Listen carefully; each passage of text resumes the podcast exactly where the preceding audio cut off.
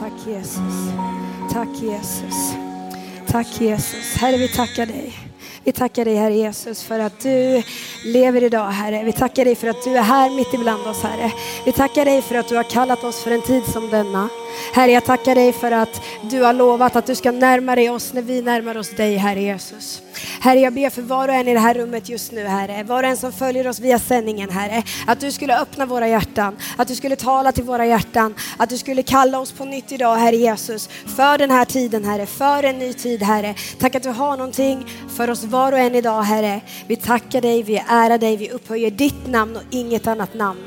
I Jesu namn vi ber. Amen. Amen.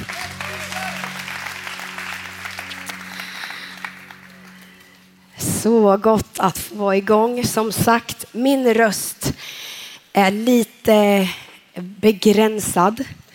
Eh, jag har testat allt och jag tror aldrig jag fått så här mycket förbön på ett dygn som jag har fått det här dygnet. Jag är jättetacksam för det och än så länge bär det. Och jag ska försöka att inte bli alltför exalterad för det är då det liksom inte riktigt bär. Ehm, jag har druckit olivolja till och med precis innan. Det var inte trevligt mina vänner. Och om jag harklar ibland så ber jag om ursäkt för det. Vi har en underbar helg bakom oss. Gud har gjort så mycket saker. Vi, vi, liksom, vi, slås, liksom, vi står häpnade inför vad Gud gör i den unga generationen idag, vad han gör mitt ibland oss. I fredags innan vi började så funderade vi på, kommer det ens komma någon? Man vet inte. Det har liksom varit ett vakuum och så kommer det bara strömmar in unga människor och vi bjuder in till förbön och det strömmar fram folk i möte efter möte efter möte. Det har inte funnits någon startsträcka överhuvudtaget. Och jag önskar att det skulle få vara exakt likadant idag. Att du kommer hit med en förväntan på att Gud faktiskt vill göra någonting i ditt liv. Och att du inte sitter där och tänker, ja men det kanske börjar hända fram emot torsdag, fredag. Utan i det här mötet, i det här mötet kan Gud göra någonting i ditt liv. För han ser dig där du är och han vill tala till dig idag. Eh, vi har ju det här fantastiska temat för en ny tid. Man kan ju fundera på när är en ny tid? Nu. Nu är en ny tid. Det är ingenting som ligger i en avlägsen framtid, någonting som vi behöver liksom vänta på, utan det är nu. Jag tror att nu vill Gud göra någonting för en ny tid. Nu vill Gud göra någonting i ditt liv. Och jag tror att min bön och min önskan med den här förmiddagen, det är att Gud skulle få starta upp någonting i dig. Det är att han skulle få slå an någonting i dig som liksom kanske har legat latent, legat och vilat under ett tag. Att det bara skulle få blossa upp igen. Att det skulle få börja brinna, att det skulle få börja pulsera på nytt. Det är min bön och min längtan med den här förmiddagen. För att det finns ett syfte med varje människa. Det finns ett syfte med ditt liv. Gud har skapat just dig. Han har en plan för ditt liv. Han har satt in dig i ett sammanhang där du ska få vara med och göra skillnad, där du ska få vara med och sprida Guds rike. Och det häftiga med det här är att det handlar inte bara om dig, utan Gud har ett syfte med dig, men han har också satt in dig i ett större sammanhang, i ett större perspektiv där du får vara en del av Guds verk. Och Guds verk, det var något som började i tidernas begynnelse och det är någonting som kommer fortsätta tills den dagen Jesus kommer tillbaka. Och det är du och jag en del av och det är där jag önskar att du skulle få förstå idag. Vet ni, jag tror på riktigt att vi håller på att förändra den här världen. Jag tror att vi tillsammans med Jesus håller på att förändra den här världen. Ibland när jag säger det, då upplever jag att människor säger så här, Nå, Ja, det var ju gulligt. Fint. Ja, det är ju, vad söt hon är som tänker så. Ja, men du kan få tycka så. Du kan få tycka att jag är naiv. Men jag vet vad Jesus har gjort i mitt liv. Och jag vet vem Gud är och jag vet vad han kan göra. Och därför tror jag att vi håller på att förändra världen. Och det är där jag önskar att du skulle vilja idag med. Att du bara skulle vilja kliva på det tåget och säga att jag Jesus, jag går, jag går med dig. Jag vill också förändra den här världen. För med Gud är det möjligt. I Filipperbrevet 1 och 6 så kan vi läsa så här. Jag är övertygad om att han som har börjat ett gott verk i er också ska fullborda det till Kristi Jesu dag. Det verk som Paulus såg att Gud hade påbörjat i församlingen i Filippi, det är du och jag en del av idag. Det är så stort Guds verk är. Det han har påbörjat, det håller han fortfarande på med och det kommer han att fortsätta göra tills Jesus kommer tillbaka. Men det står att Gud vill fullborda någonting. Gud vill fullborda någonting. Gud vill liksom sätta fart på någonting i ditt liv. Han vill göra någonting mer med dig. För att du har ett syfte, det finns en plan.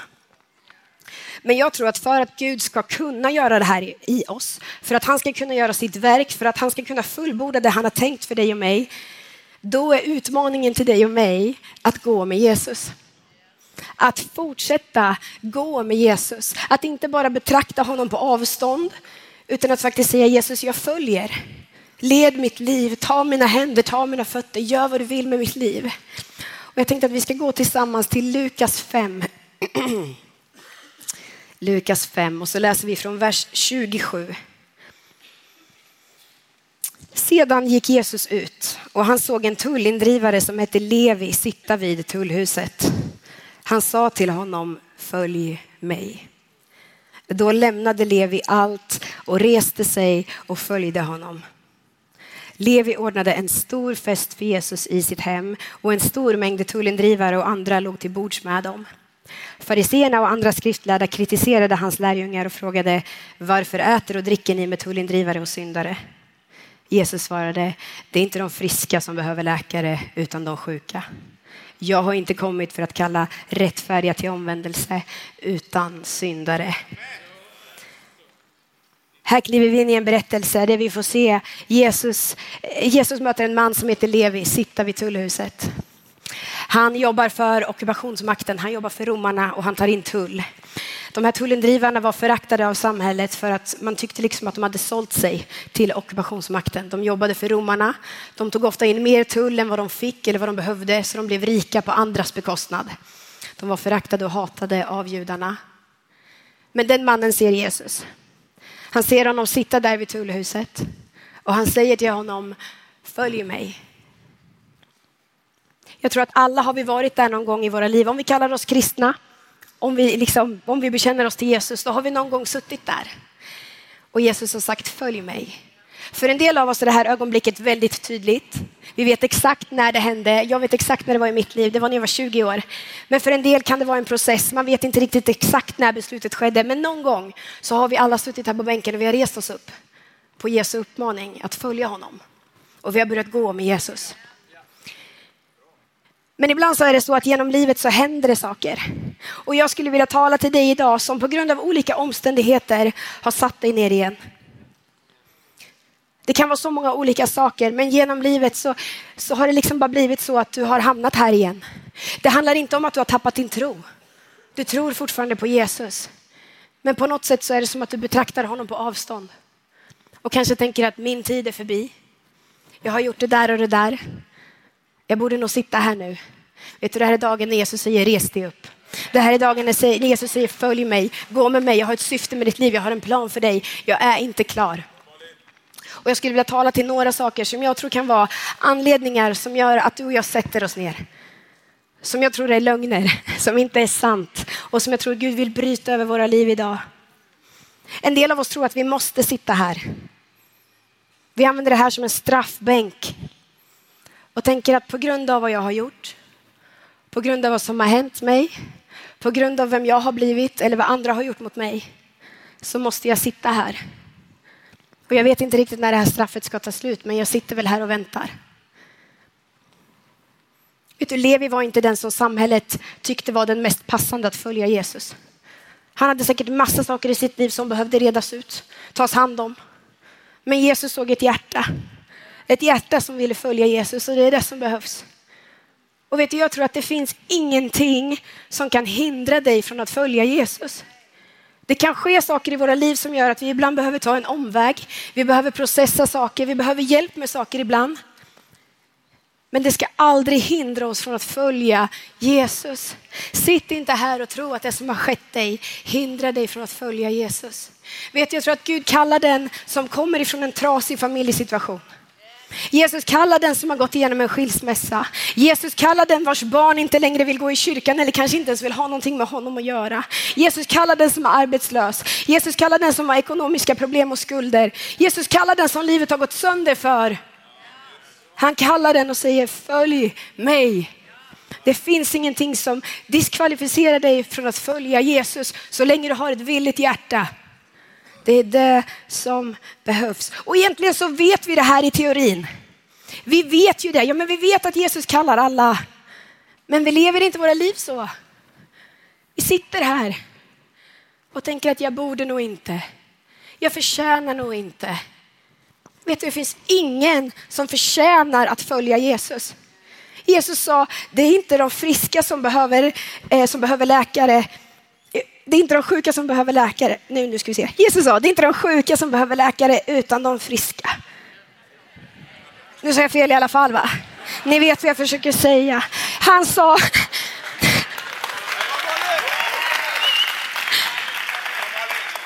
Jag har inte kommit för att kalla rättfärdiga utan syndare.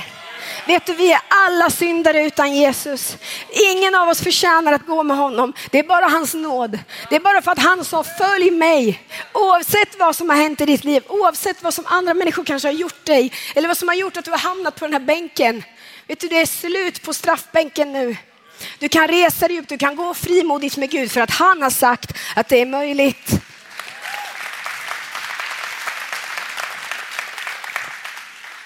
För en ny tid så tror jag att Jesus ber dig att följa honom på nytt. Resa dig upp. Vi kan läsa att Levi lämnade allt. Jag tror att det finns människor här idag som behöver lämna saker bakom sig. Lämna dåliga erfarenheter, lämna en bruten självbild. Lämna allt det där som gör att du tror att du måste sitta på den där straffbänken, för du gör inte det. Jesus kallar dig att för en ny tid gå med honom och låta honom fullborda det han har tänkt för ditt liv. En del av oss tror jag har hamnat på den här bänken för att vi skulle egentligen bara ta en liten paus.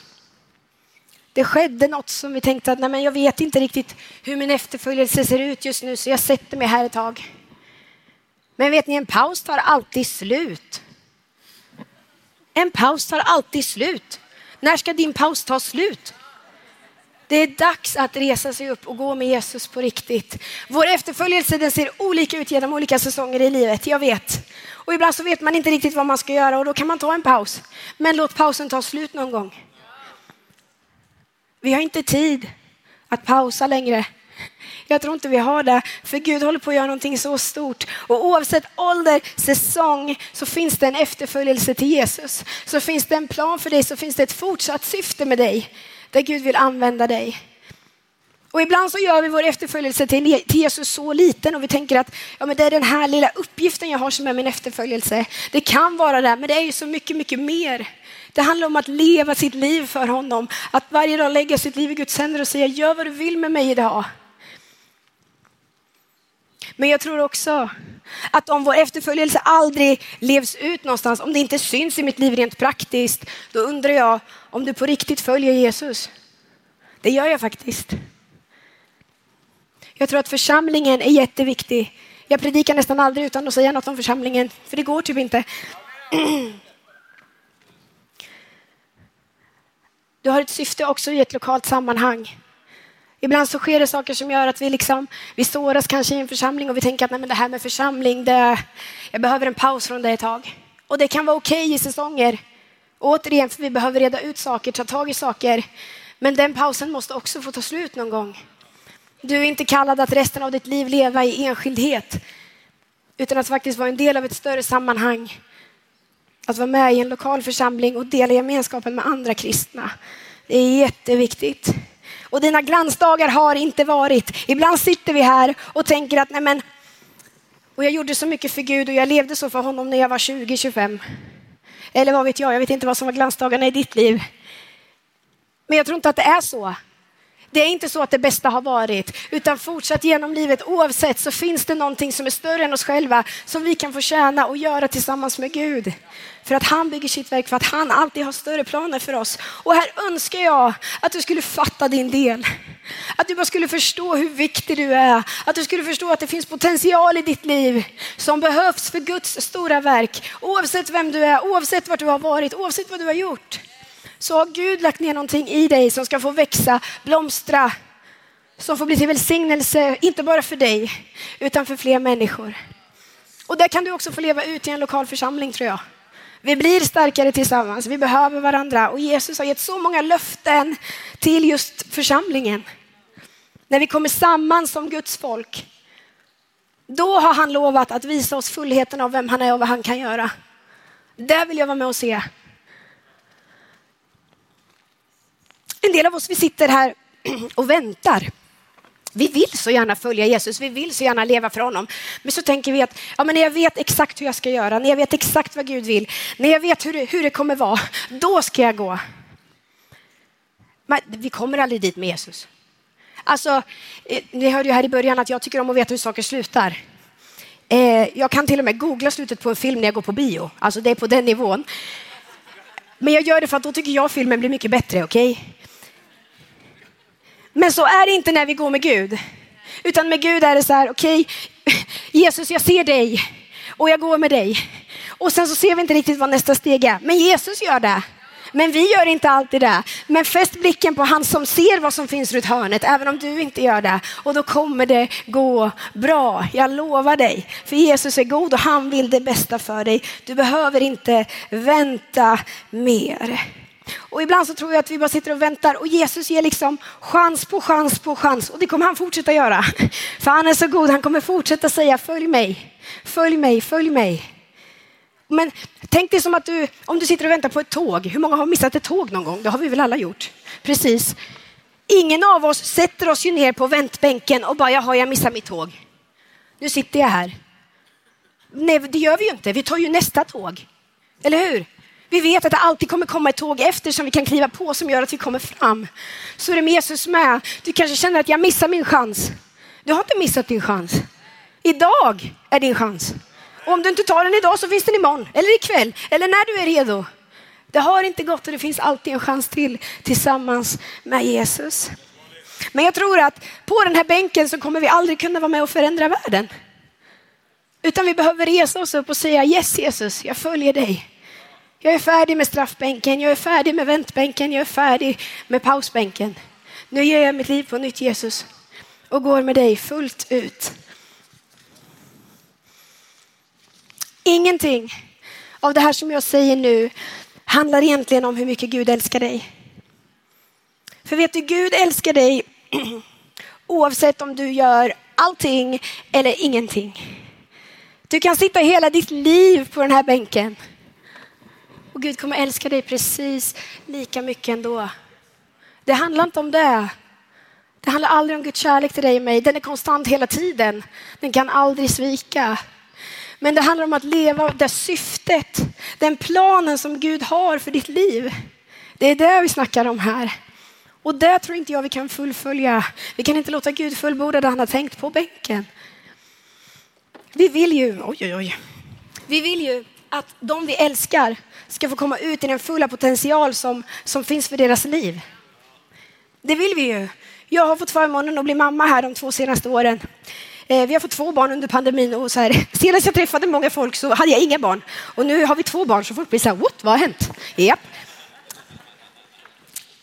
Nej, men jag vill ju det bästa för dem. Jag vill inte att de ska vara nöjda med att sitta på en bänk genom sina liv. Jag vill att de ska få komma ut i allt det som Gud har tänkt för deras liv.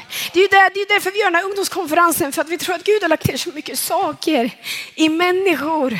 Och att de skulle få tag på det där, inte nöja sig med att bara leva sitt liv, utan att verkligen leva på riktigt tillsammans med Jesus. Och det gäller inte bara den unga generationen, utan det fortsätter. Vad lämnar vi vidare till våra unga om vi visar att man liksom brinner för Jesus Tills man kommer in i någon slags medelålder. Och sen så betraktar man på avstånd. Låt oss lämna vidare någonting större. Låt oss visa att det tar aldrig slut, att det alltid fortsätter brinna, att det finns någonting mera.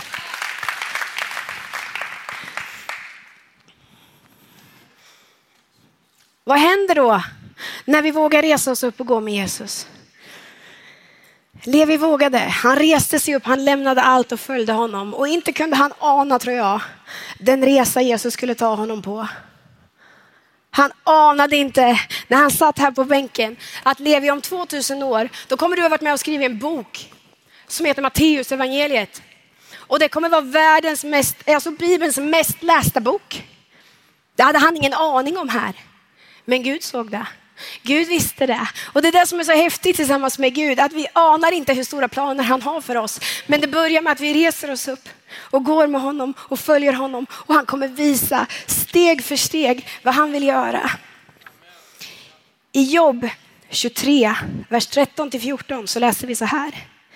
Men han är den ende. Vem kan stå emot honom? Vad han vill, det gör han. Han fullbordar vad han har beslutat om mig och mycket mer av samma slag.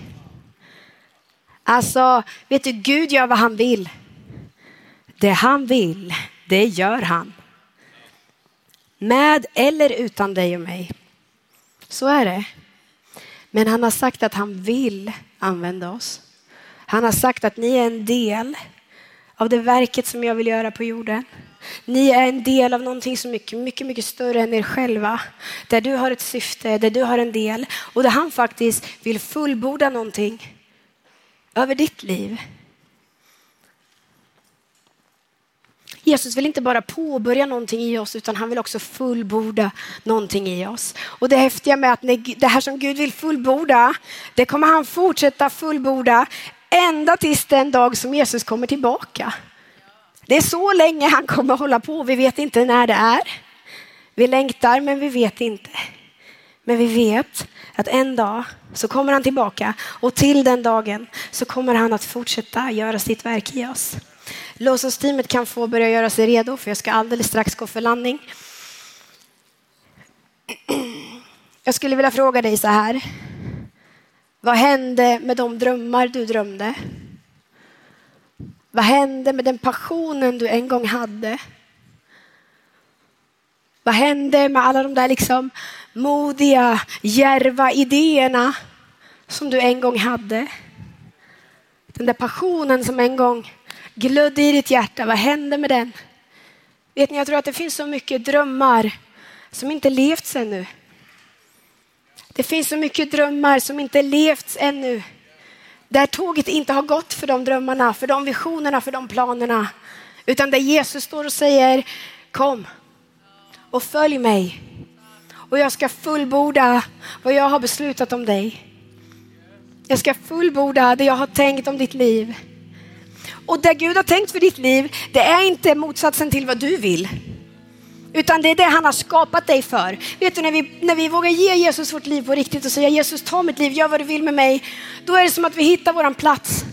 Vi kommer hem. Han leder oss in i det som han har skapat oss för. Där vår fulla potential får blomstra och vi får känna att det här är ju den jag är.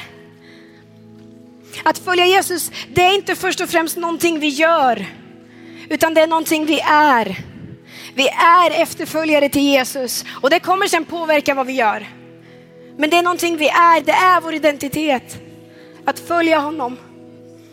Och då kan han fullborda det han har tänkt för våra liv, det han vill göra i oss. För en ny tid som är nu.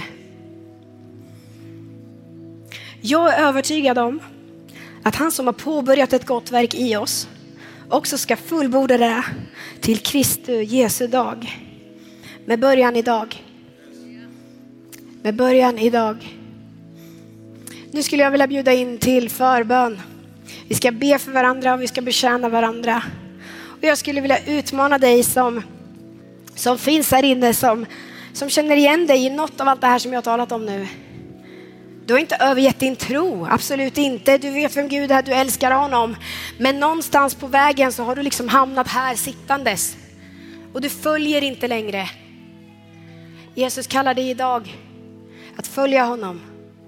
Att börja gå med honom på nytt. Att lämna det som behöver lämnas här på bänken och säga okej okay, Jesus, ta mitt liv på nytt.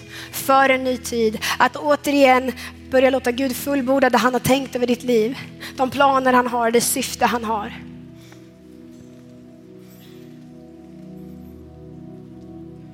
Jesus kallade Levi.